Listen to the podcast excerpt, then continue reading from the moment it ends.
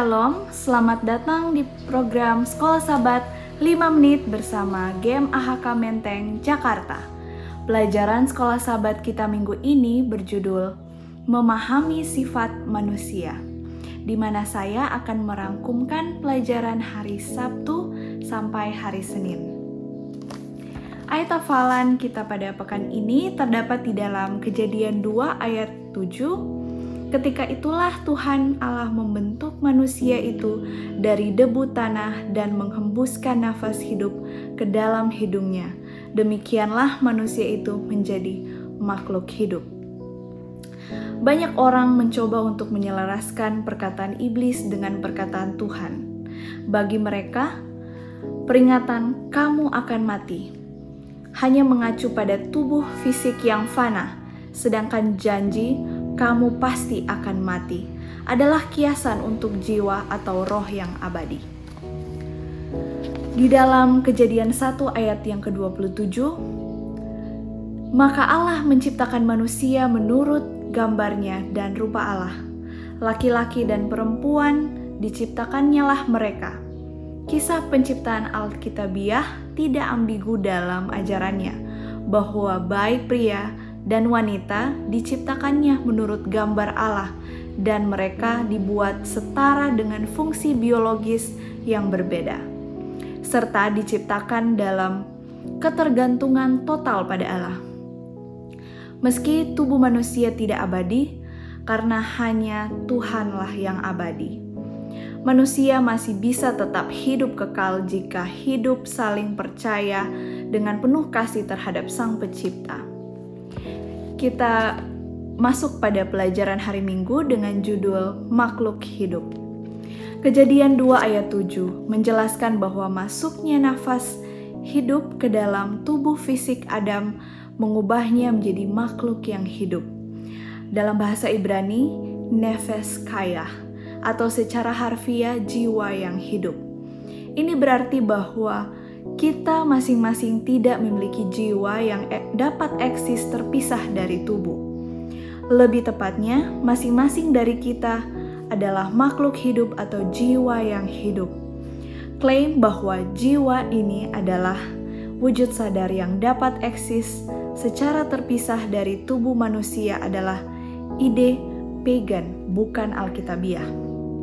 Memahami sifat sejati kemanusiaan mencegah kita menerima gagasan populer tentang jiwa tanpa tubuh dan semua kekeliruan berbahaya yang dibangun di atas keyakinan itu.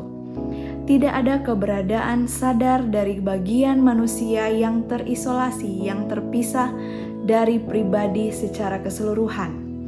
Tuhan menciptakan kita dengan cara yang teliti dan menakjubkan dan kita tidak boleh berspekulasi di luar apa yang sebenarnya dikatakan oleh kitab suci yang menjadi misteri dan para ilmuwan masih belum dapat menyetujui secara pasti apa artinya sesuatu menjadi hidup.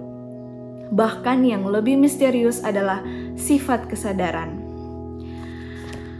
Betapa ajaibnya tubuh kita ini diciptakan oleh Tuhan Pelajaran yang bisa kita dapatkan pada saat ini dari kisah penciptaan. Di sana diperjelas bahwa Tuhan menciptakan manusia dari debu tanah dan menghembuskan nafas hidup ke hidungnya. Demikianlah manusia menjadi makhluk yang hidup.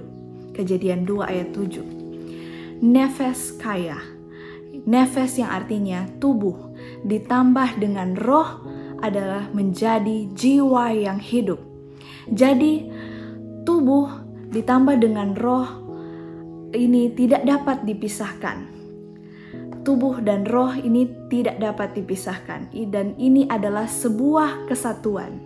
Jadi, Allah menciptakan Adam seperti pribadi yang hidup dengan menghembuskan nafas hidup ke dalam hidungnya, yaitu roh atau jiwa.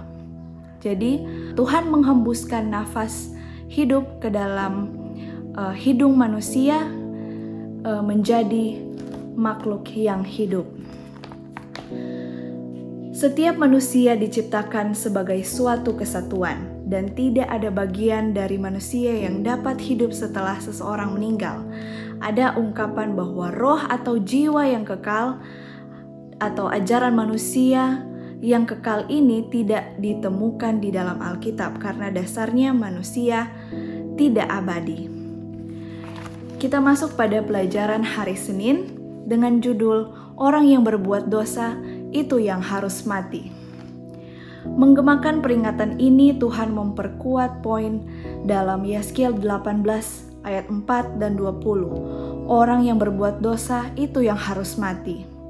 Pernyataan ini memiliki dua implikasi utama. Salah satunya adalah karena semua manusia adalah orang yang berdosa, kita semua berada di proses penuaan dan kematian yang tak terhindarkan.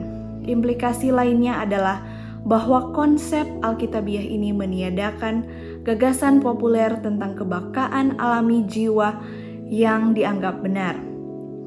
Sebaliknya, solusi Alkitabiah untuk dilema kematian bukanlah jiwa tanpa tubuh yang bermigrasi ke surga atau api penyucian atau bahkan ke neraka. Solusinya adalah memang kebangkitan terakhir dari mereka yang mati di dalam Kristus. Seperti yang Yesus nyatakan dalam khotbahnya tentang roti hidup di dalam Yohanes 6 ayat 40, setiap orang yang melihat anak dan yang percaya kepadanya beroleh hidup yang kekal dan supaya aku membangkitkannya pada akhir zaman. Inti dan pelajaran pada hari Senin adalah kepastian kedatangan Kristus yang kedua kali dipastikan oleh kedatangan Kristus yang pertama.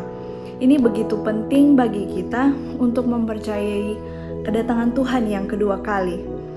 Karena kedatangan yang pertama ini adalah janji keselamatan uh, bagi kita dengan kedatangan Kristus yang pertama, itu memberi harapan bagi kita bahwa Tuhan akan membangkitkan orang-orang yang percaya kepada Kristus untuk memperoleh hidup yang kekal. Mari kita luangkan waktu, walaupun hanya sejenak, setiap hari dalam setiap kesibukan kita untuk mempelajari pelajaran yang ketiga ini, sehingga kita akan terus dikuatkan kita terus setia pada Tuhan, kita tidak akan mudah tercerat di dalam tipuan-tipuan si jahat di dalam kehidupan kita. Terima kasih telah bergabung di Sekolah Sabat 5 menit, Sekolah Sabat yang bersahabat, bersemangat, semua terlibat, jangan terlambat. Terima kasih, Tuhan memberkati.